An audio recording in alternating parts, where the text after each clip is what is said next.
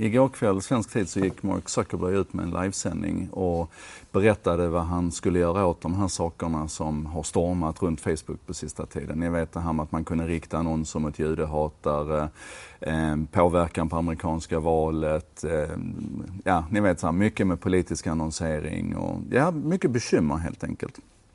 Och Eh, han levererade nio punkter på vad de ska göra i korthet. De ska arbeta med de utredningar som redan görs, både officiella utredningar och egna utredningar och fortsätta försöka förstå vad det är som händer. Eh, man lovar att annonseringen, framförallt politisk annonsering, då ska bli mer transparent så att man kan se vem det är som har satt in en annons, alltså vilken sida den härstammar ifrån. Men man ska också kunna gå till den sidan och se alla annonser som de har satt in. Eh, och har vi då 2,1 miljarder användare som tittar på det där så, så kanske det kan ge en viss effekt.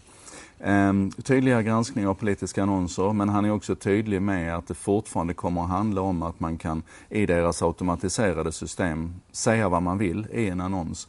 Men om man säger något som är olagligt eller som bryter mot deras community um, terms så får man ta konsekvenserna av det. Han var rätt tydlig på den punkten.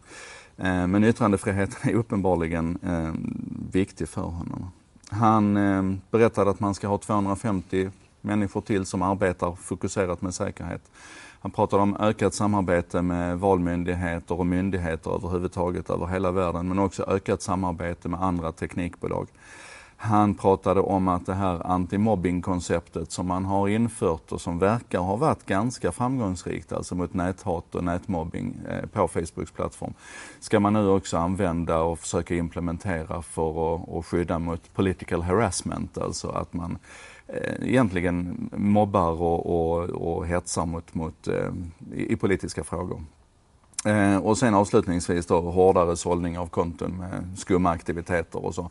Och då exemplifierade han med hur man hade arbetat nu med det tyska valet. Eh, jag tycker ni ska gå till Mark Zuckerbergs sida och så ska ni se livesändningen som han gjorde, den finns i efterhand naturligtvis, och läsa hans nio punkter och klura lite grann på det där. Ganska många tycker att det här är too little too late. Att eh, man hela tiden är reaktiv istället för proaktiv. Jag har lite synpunkter på den hållningen faktiskt. Eh, men jag vill också uppmana er att läsa en annan sak som har skrivits. Det är Sheryl Sandberg som är COO, alltså Chief Operating Officer. Hon som ser till att man kör mjölken i företaget. En fantastisk kvinna. Eh, hon skrev ett rasande brev för två dagar sedan apropå det här med, med eh, de riktade annonserna mot judehatare. Och, och hon menar på att jag är, jag är mamma, jag är judinna, men framförallt är jag människa och jag blir rasande på att sånt här kunde förekomma på, på vår plattform.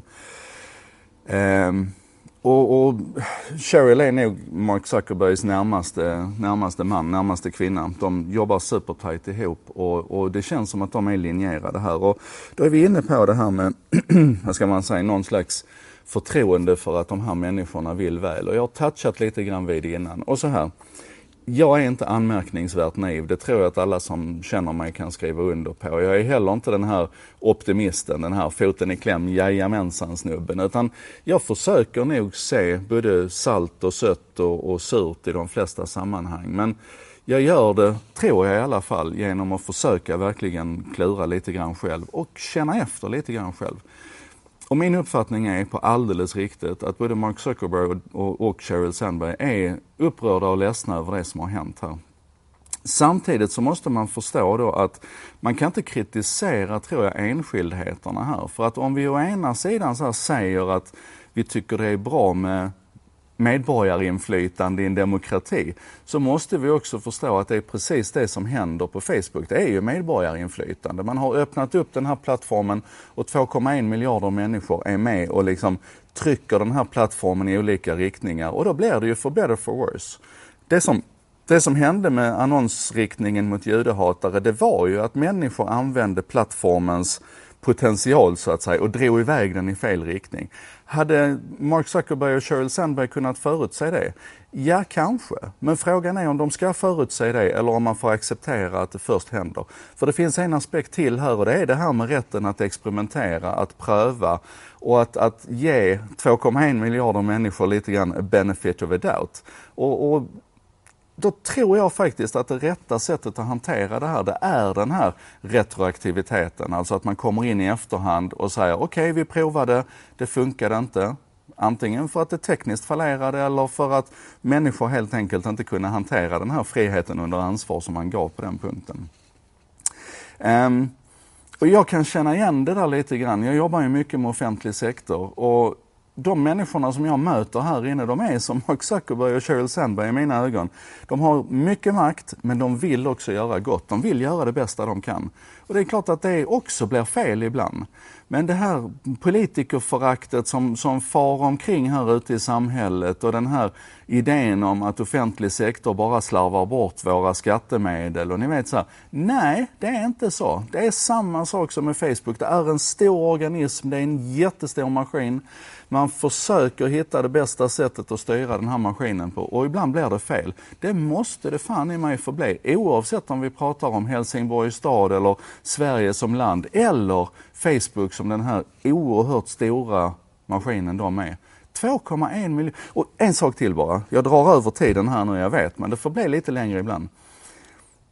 Det värsta jag kan se, det är när journalister och tidningar och mediehus pekar finger på Facebook och verkligen liksom så här gräver i deras misstag och tycker att de är idioter. För vet ni vad? Svenska tidningar hade en gång i tiden ett litet kommentarsfält där det var ett par hundra människor som aktiverade sig och skrev kommentarer. Och det tyckte man var för jobbet att hantera, så nu finns det inga kommentarsfält där längre. Kom igen den dagen ni har 2,1 miljarder människor som på er plattform har synpunkter på er plattform och använder den här maskinen till sina egna syften. Jag menar, då kan vi snacka om jobbet, så kom igen nu. Jag tycker vi ska, vi ska fortsätta hålla ögonen på Mark och, och Cheryl och gänget på Facebook. Men vi, vi måste ju också inse att det är inte så jävla enkelt. Okej? Okay? Lite slack.